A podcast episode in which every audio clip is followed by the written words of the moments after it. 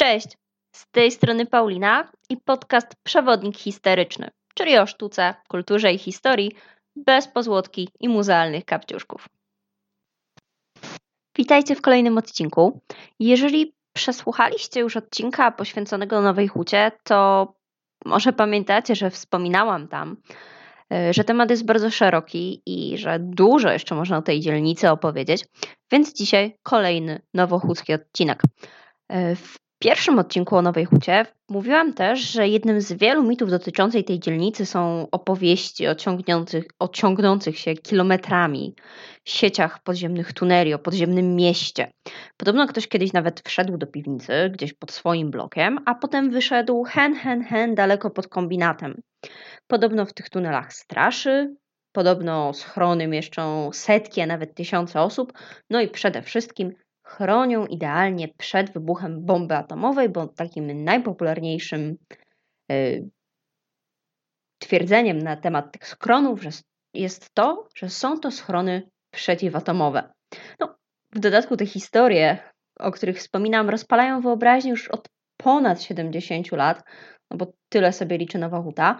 No i stały się też po bazą powieści z cyklu Metro 2033, to jest między innymi Dzielnica Obiecana. No, ale jak wiecie, w każdej opowieści jest ziarno prawdy, a że ja tak nie za bardzo przepadam za teoriami spiskowymi, to jestem dzisiaj tutaj po to, żeby Wam opowiedzieć, co to jest za ziarno i skąd się wzięły te wszystkie opowieści dziwnej treści.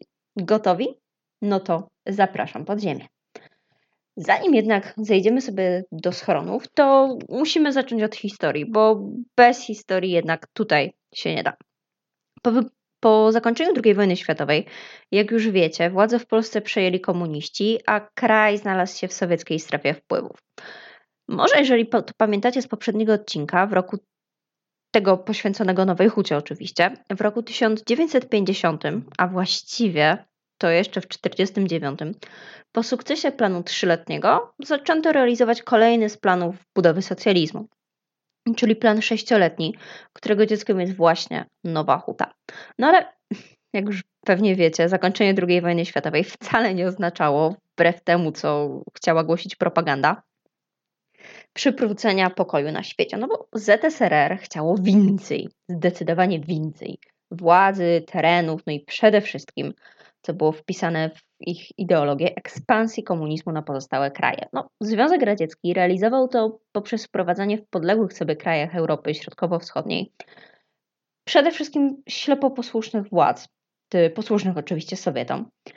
E, no a przede wszystkim to nie tylko chodziło o tą Europę Środkowo-Wschodnią, bo takie władze pojawiały się też w Iranie, w Turcji, były próby wepchnięcia tego typu władzy w Grecji.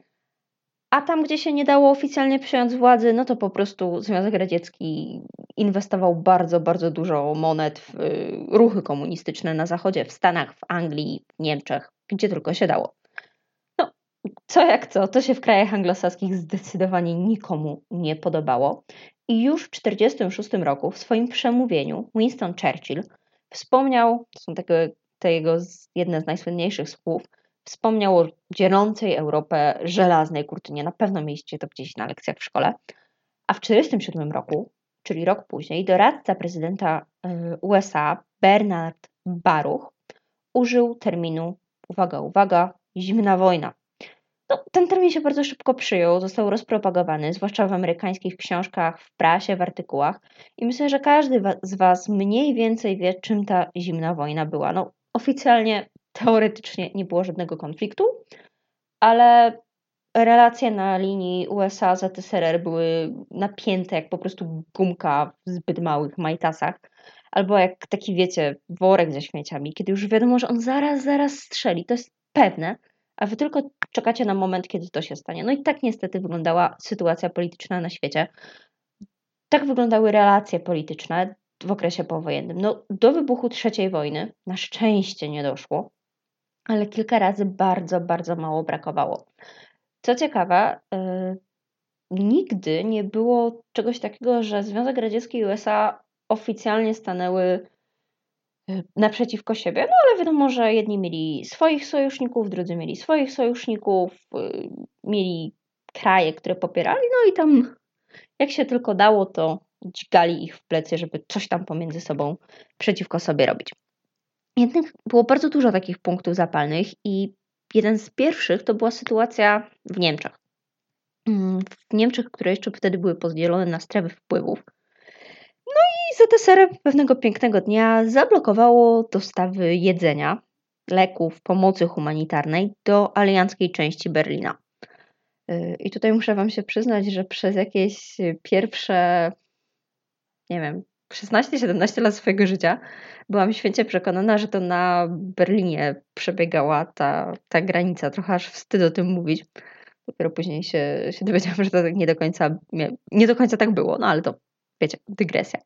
Kolejnym punktem zapalnym była wojna na Półwyspie Koreańskim. No jak łatwo się domyślić, ZSRR wspierało komunistyczną północ, a alianci południe. Ale takim najgorszym momentem, kiedy już, już wydawało się, że no po prostu te rakiety zaraz wystrzelą i nie zostanie kamień na kamieniu, był kryzys w Zatoce Kubańskiej. To był rok 62 i Rosjanie wymyślili sobie wtedy, że na Kubie, gdzie oczywiście panował komunizm i do dzisiaj panuje, zamontują sobie wyrzutnie głowic atomowych. No, mało brakowało i faktycznie by tak zrobili. I mało brakowało i naprawdę wybuchłaby ta trzecia wojna światowa. No ale na szczęście po kilku dniach obie strony poszły po rozum do głowy, stwierdziły, że mm, może to nie jest dobry pomysł. I wtedy powstała gorąca linia Waszyngton-Moskwa. Jeżeli oglądaliście, linia telefoniczna oczywiście, jeżeli oglądaliście chociaż jeden film akcji z lat, nie wiem, 80., 90., to pewnie kojarzycie takie sceny, że na biurku prezydenta Stanów Zjednoczonych czy, czy w Rosji właśnie stoi sobie taki oczojebnie czerwony telefon i czy to prezydent USA, czy przywódca partii komunistycznej Rosji, Boże, przepraszam, zapomniałam jak ten człowiek się nazywa, po prostu bierze ten telefon i dzwoni do tego drugiego i hej, co wy tam odpierdzielacie. Taki telefon faktycznie istnieje, tylko on podobno nie jest wściekle czerwony, ale linia Moskwa-Waszyngton istniała i istnieje do dziś. No dobra, ale w ogóle co to wspólnego ma z Nową Hudą i ze schronami? Bardzo dużo. Słuchajcie, ponieważ sytuacja była napięta i władze doskonale sobie z tego zdawały sprawę, no to trzeba było jakoś tych ludzi spanikowanych uspokoić, no bo ej serio, mamy lata 50. Nadal żyją ci, którzy pamiętają pierwszą wojnę. Dopiero skończyła się druga, a tu co, no kolejna wojna, no cholera jasna, ileż można. Dlatego trzeba było jakoś ułagodzić nastroje społeczne. Oczywiście przy okazji też zdobywając poparcie dla, siebie. No i najważniejsze to było zapewnienie ludziom bezpieczeństwa. No ale bądźmy szczerzy, mówimy o PRL-u, więc pozorów bezpieczeństwa. No, jakoś trzeba było przede wszystkim ogarnąć i uwspółcześnić przepisy, no bo tuż po II wojnie światowej w Polsce wciąż obowiązywały wytyczne, przepisy, jakieś zalecenia dotyczące ochrony przeciwlotniczej. No spoko.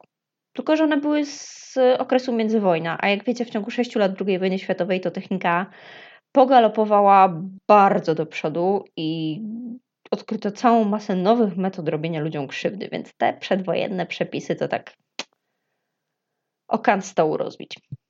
No w związku z tym w 1951 roku powołano terenową ochronę przeciwlotniczą.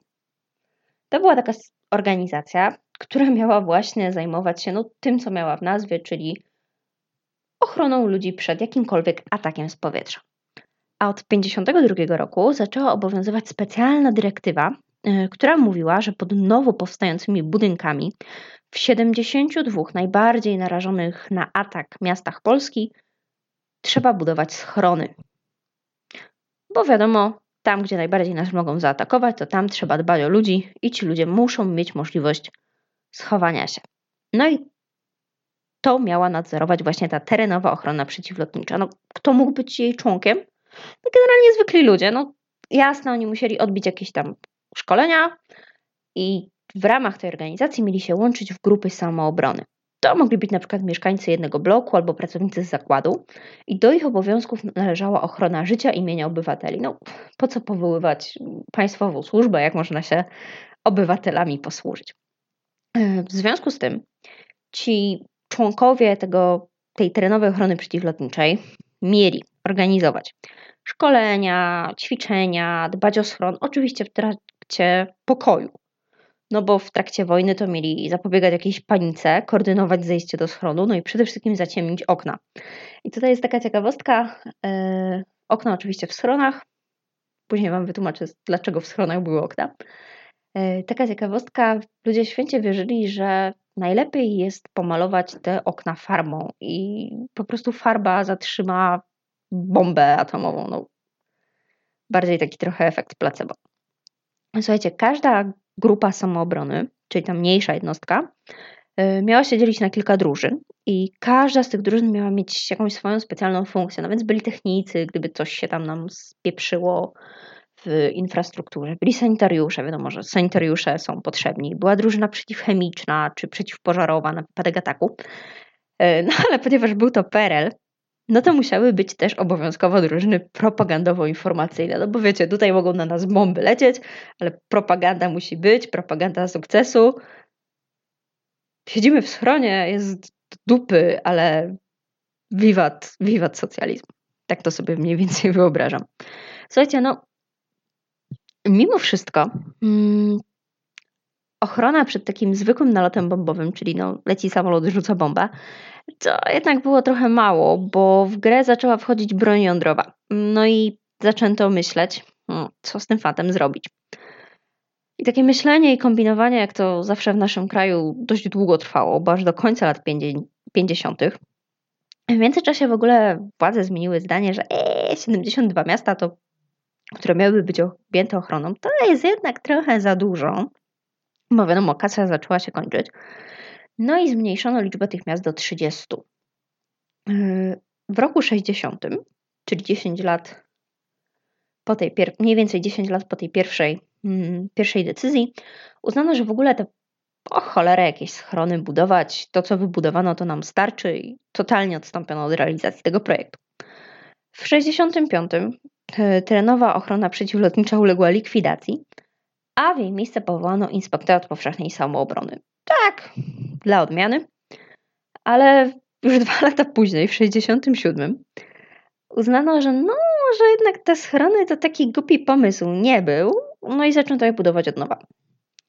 Ale już tylko i wyłącznie pod zakładami przemysłowymi. Wcześniej budowano też pod blokami mieszkalnymi, głównie pod blokami mieszkalnymi, a od 67 roku tylko pod zakładami przemysłowymi. I co, myślicie, że wszystkimi? Skąd? Tylko tymi, które były najważniejsze dla kraju lub dla rozwoju socjalizmu. No oczywiście niezmiennie to było górnictwo, był to przemysł ciężki, był to przemysł maszynowy, no i przemysł energetyczny. Troszeczkę podwyższono jakość tych budowli schronowych, zrównując przepisy z tymi, które obowiązywały już od ho, ho, ho, ho, ho ZSRR. Także y, już Wam coś świta na temat jakości tych schronów, zwłaszcza tych z lat 50. No, mam nadzieję, że tak. Y, nasz rząd chyba lubił zmiany, bo ledwie powołali tą inspektorat powszechnej samoobrony. W latach 60. to już y, na początku lat 70. stwierdzono, e, znudziło nam się i zmieniono powszechną samoobronę na obronę cywilną, czyli OC. No, ta organizacja miała dużo, dużo szersze uprawnienia i dużo szerszy zakres działań, zwłaszcza w stosunku do tych dwóch poprzednich, no bo mogła działać także w czasach względnego pokoju. Na przykład y, nie ograniczała się tylko i wyłącznie do, do ataków bombowych, nie, nie ograniczała się tylko i wyłącznie do jakichś nalotów, ale mogła na przykład walczyć ze skutkami powodzi, pożarów czy jakichś tam innych klę, klęsk żywiołowych. Co ze schronami? One nadal powstawały, ale tylko i wyłącznie w takich najważniejszych zakładach. A jakimś tam zwykłym ludziom, zwykłym obywatelom, no to miały wystarczyć y, te, które były już zbudowane wcześniej. A do tego można było zbudować jakieś zastępcze budowle ochronne. No, pachnie wam to prowizorką? No jasne.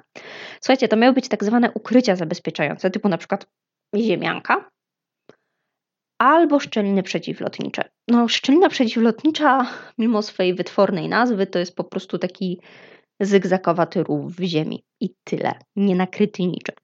No, słuchajcie, co ciekawe, do dzisiaj i obecnie w polskim prawie nie ma żadnych, ale to żadnych definicji, jak taka budowla schronowa ma wyglądać, jakie ma spełniać funkcje, no i żadne nowe nie powstają. To tak na marginesie, nie wiem, przestaliśmy się bać y, ataków lotniczych na przykład? Nie wiem. Nie znam się na, na wojskowości. No słuchajcie. Okej, okay, także teoria teorią, ale jak te perelowskie schrony miały wyglądać? No przede wszystkim no, schron schronowi nierówny, bo były aż cztery kategorie schronów, a im niższy miały numer, czyli były numerki od 1 do 4, im niższy numer, czyli jeżeli coś miało numer 4, no to już było dużo gorzej.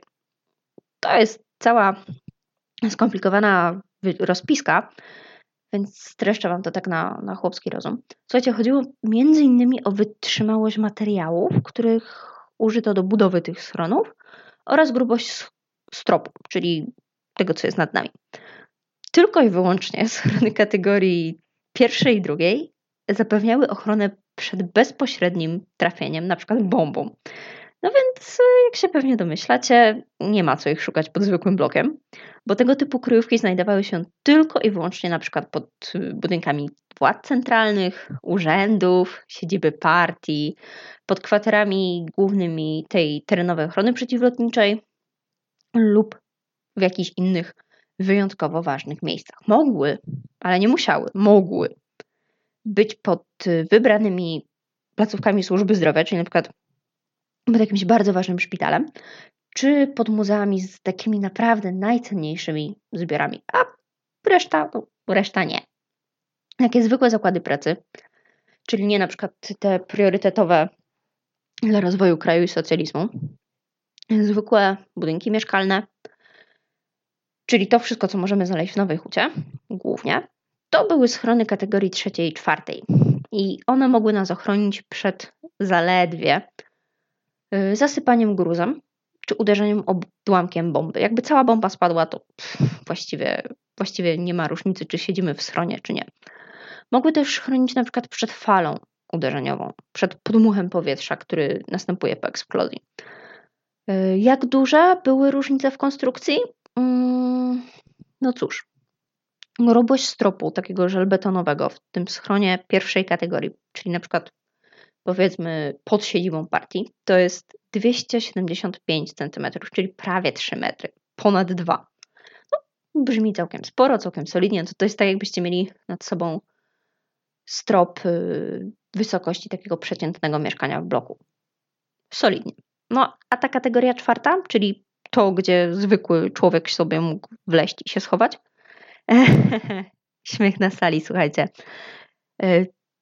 Centymetrów 15. Przed chwilą policzyłam na kalkulatorze, to jest tak 18 razy mniej niż ten pierwszy, pierwszy schron.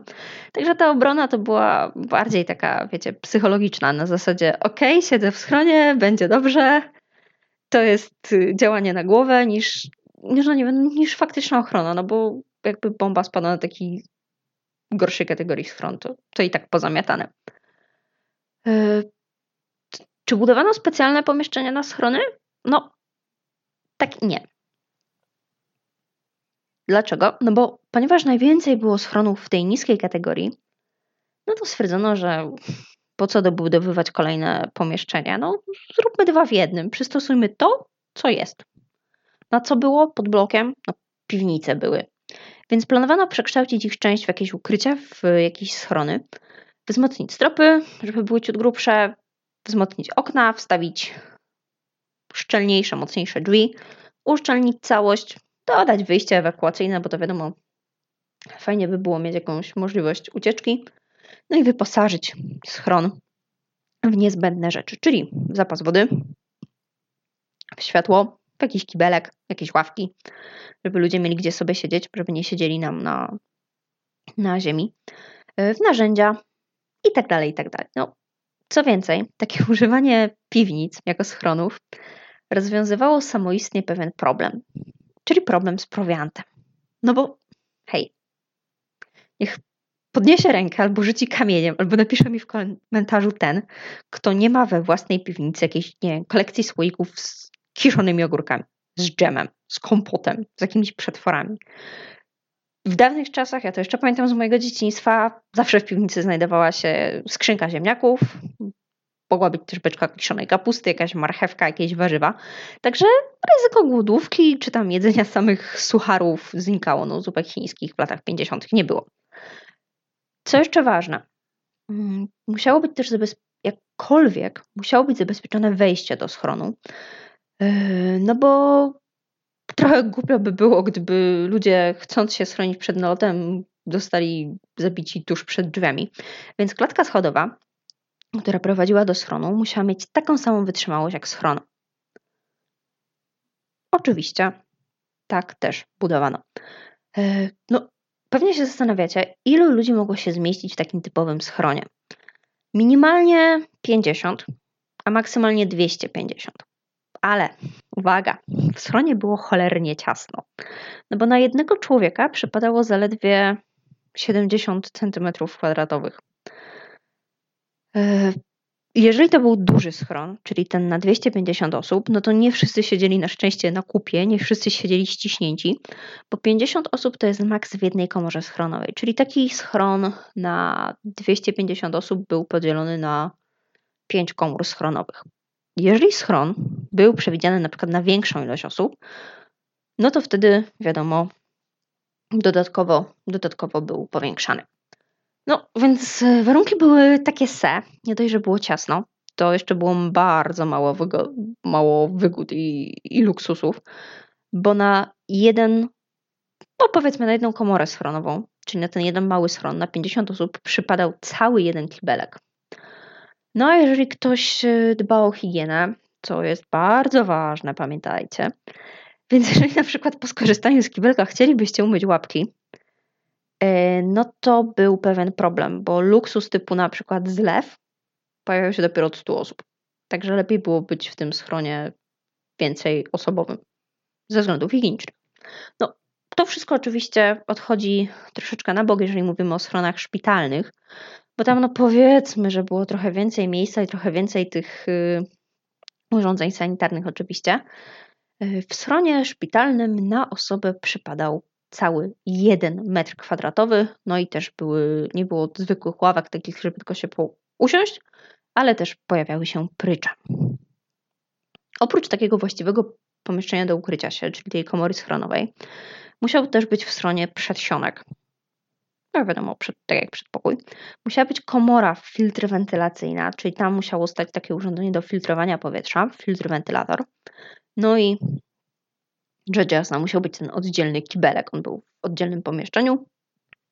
Czasem mogły się też pojawić komory do odkażania, czyli taki prysznic z przebieralnią, albo pokoje lekarskie lub izolatki. No te dwa ostatnie to wiadomo, że tylko i wyłącznie w tych schronach y, szpitalnych. No i teraz pewnie Was zastanawia, jak poznać, że w budynku jest schron.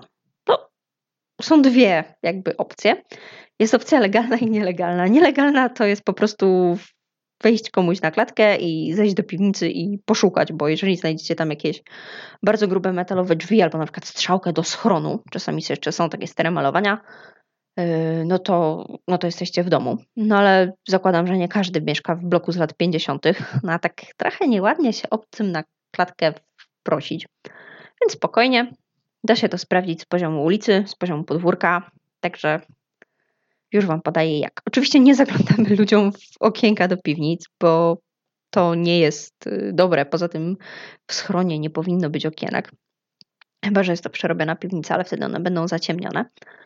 Y, nie patrzymy na poziom piwnicy totalnie. Patrzymy wyżej. Gdzieś tak na wysokość y, górnej krawędzi okien, parter, góru, pomiędzy parterem a, a pierwszym piętrem, w zależności od budynku. Jak tam popatrzymy, to gdzieś na tej wysokości, gdzieś pomiędzy parterem a pierwszym piętrem będą takie małe prostokątne otworki, takie niewielkie wielkości pocztówki, zasłonięte metalową płytką. Tylko nie tak, wiecie, że ta płytka nie jest przyklepana do, do elewacji, tylko ona tak troszeczkę odstaje. No i jak coś takiego zobaczycie, no to bingo, to, bo to jest właśnie otwór wentylacyjny, który prowadzi do czerpni powietrza dla schronu oraz do tego filtr wentylatora. Filtr wentylatora, Boże Święty. Także takie urządzenie, ten filtr wentylator, jak sama nazwa wskazuje, miało filtrować powietrze, to, które wpadało z zewnątrz, no i już oczyszczone wprowadzać do schronu. Różne były jego typy. Na przykład w jednym z udostępnianych schronów y, w Nowej Hucie jest taki na korbkę trzeba było kręcić bardzo mocno hmm, korbką, żeby powietrze się wentylowało. A w drugim ze schronów, w takim schronie jakości deluxe, ten wentylator już ma napęd na rowerek. Jak kiedyś będziecie mieli okazję zwiedzać te schrony, to może, może ze mną, może się uda, bo trasa schronowa jest otwarta. Będę o niej mówiła na końcu. To może się uda też pokręcić tą korbką i naprawdę to było bardzo, bardzo męczące. No ale okej, okay. filtr wentylator. Co więcej, mm, są różne rodzaje takich, takich y, urządzonek, ale o tym już chyba mówiłam. Kolejną wskazówką, y, która, wiecie, takimi wielkimi czerwonymi literami wrzeszczy, tam jest schron, jest wyjście ze schronu. Mm, ono czasami też pełniło funkcję większej czerpni powietrza. Więc jak y, już namierzycie na przykład tą płyteczkę na elewacji budynku, to gdzieś w niewielkiej odległości od budynku, od bloku, od jakiegoś innego budynku, bo celowo, celowo nie mówię tutaj tylko i wyłącznie o blokach, na pewno zobaczycie coś w rodzaju włazu i to jest taki stary typ, albo hmm, jak to opisać? To jest taki grzybek, taka jakby kosteczka, kwadratowa konstrukcja. Ona gdzieś tak powinna nam sięgać do pasa albo do kolan. Y, w każdym z boków tej kosteczki będzie duży otwór, zakryty siatką. No i całość będzie nakryta daszkiem. Więc jak widzicie takie coś, na przykład na środku trawnika, no to bingo, bo macie przed sobą wlot do czerpni powietrza. I czasami te wloty były też zapasowym wyjściem ze schronu. One były budowane w taki sposób, żeby gruzy z rozwalonego budynku nie mogły ich zasypać, a więc żeby umożliwić ludziom ucieczkę. Dlatego one nie stoją bezpośrednio przy budynku, tylko na przykład na środku jakiegoś podwórka. No i właśnie tym miejscu jest y, czas na rozwiązanie kolejnej zagadki, czyli jak to jest z tymi dziwnymi opowieściami o tych sieciach tuneli i, i tym drugim podziemnym mieście. No, tak jak wam mówiłam, no jest jakieś malutkie ziarenko prawdy, ale takie naprawdę tyci, tyci, tyci, tyci, takie mniejsze niż ziarenko maku. Dlaczego? No bo czasami kilka schronów dzieliło jeden tunel ewakuacyjny. No po prostu, wiecie, oszczędność miejsca, oszczędność kasy. Więc mogło się zdarzyć, że jakiś tam ziutek albo inny kazek wszedł do tunelu pod swoim blokiem, na przykład w swojej piwnicy, a wyszedł pod blokiem obok. Albo dwa bloki dalej. No i to tyle. Także, no sorry, bardzo mi przykro, nie mamy labiryntu pod ziemią. Fajnie by było, gdyby był, ale niestety nie ma. Schrony w Nowej Hucie budowano od 1953 roku, no więc to logiczne, że nie ma ich pod tymi najstarszymi blokami, pod tymi jeszcze z lat późnych 40., 49 czy 50 roku. Łącznie jest około lekko ponad 250 schronów. Najstarszy znajduje się na osiedlu Zgody pod obecnym budynkiem Urzędu Miasta. Oprócz tego takie duże schrony są na przykład pod kinem Światowit, to jest obecnie Muzeum Nowej Huty. I ten schron można sobie zwiedzić, tam jest właśnie ten wentylatorek z, korp z korbką. Mm, kolejny schron jest pod Teatrem Ludowym, pod Szpitalem Żeromskiego. To jest bardzo nietypowy schron, bo to jest właśnie ten schron szpitalny. Też go można zwiedzać.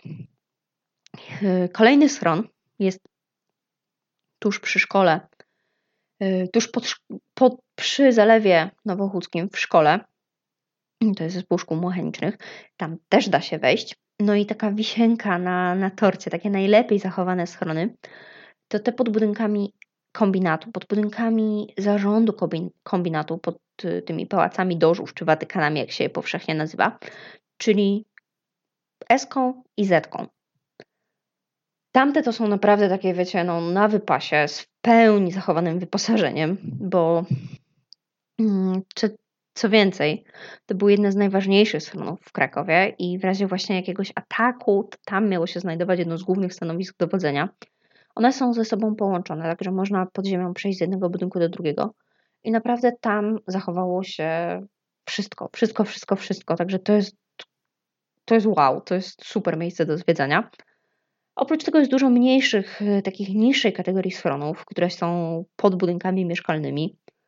Y, są plany, są już rozpisane projekty wystaw, także trasa schronowa w Nowej Hucie będzie się powiększać. No i oczywiście też, jeżeli macie możliwość mieszkania w tego typu bloku, jeżeli mieszkacie na przykład w bloku socjalistycznym w Hucie lub w jakimś innym mieście, no to zejdźcie do swojej piwnicy, bo prawdopodobnie tam znajdziecie jakiś schron. A jak nie u Was, to może pod blokiem sąsiada. Co ciekawe, yy, schrony są powiązane nie tylko z podziemiem, bo w Nowej Hucie jest jeszcze taki jeden smaczek, to jest tak zwany wieżowy punkt obserwacyjny. Na dachu jednego z bloków na osiedlu stalowym. No, jak nazwa wskazuje, to jest taka wieżyczka, w której członkowie ochrony przeciwlotniczej mieli wypatrywać ewentualnego nalotu, stamtąd mieli dawać sygnał yy, na przykład przez głośniki, na przykład przez szczekaczki, których było bardzo dużo, no i ludzie wiedzieli, że no jest alarm, schodzimy do schronów. Także tak jak mówiłam na początku, niestety nie mamy podziemnego miasta, niestety nie ma sieci tuneli. Przykro mi, ale jest całkiem fajna trasa schronowa, można ją zwiedzać. Mm, jeżeli macie na to chęć, to serdecznie zapraszam. Mogę Was zaprowadzić, bo akurat tak się składa, że mam uprawnienia na schrony. To jest też niesamowita przygoda. Tam wystawa jest nie tylko poświęcona temu, o czym mówiłam teraz, czyli rozwoju budownictwa schronowego w Krakowie w Nowej Hucie, ale też ogólnie o. Jest, część wystawy jest o na przykład o dochodzeniu komunistów do władzy, o tym jak, jak przebiegała zimna wojna. Można sobie zobaczyć oryginalne wyposażenie. Wiadomo, ja w podcaście nie mam możliwości tak dokładnego opisania Wam tych, tych miejsc. Jest oryginalny wystrój z epoki, także naprawdę bardzo, bardzo, bardzo zachęcam. I mam nadzieję, że odcinek się podobał. Mam nadzieję, że udało mi się rozwijać trochę mitów i przy okazji zainteresować Wam tematem.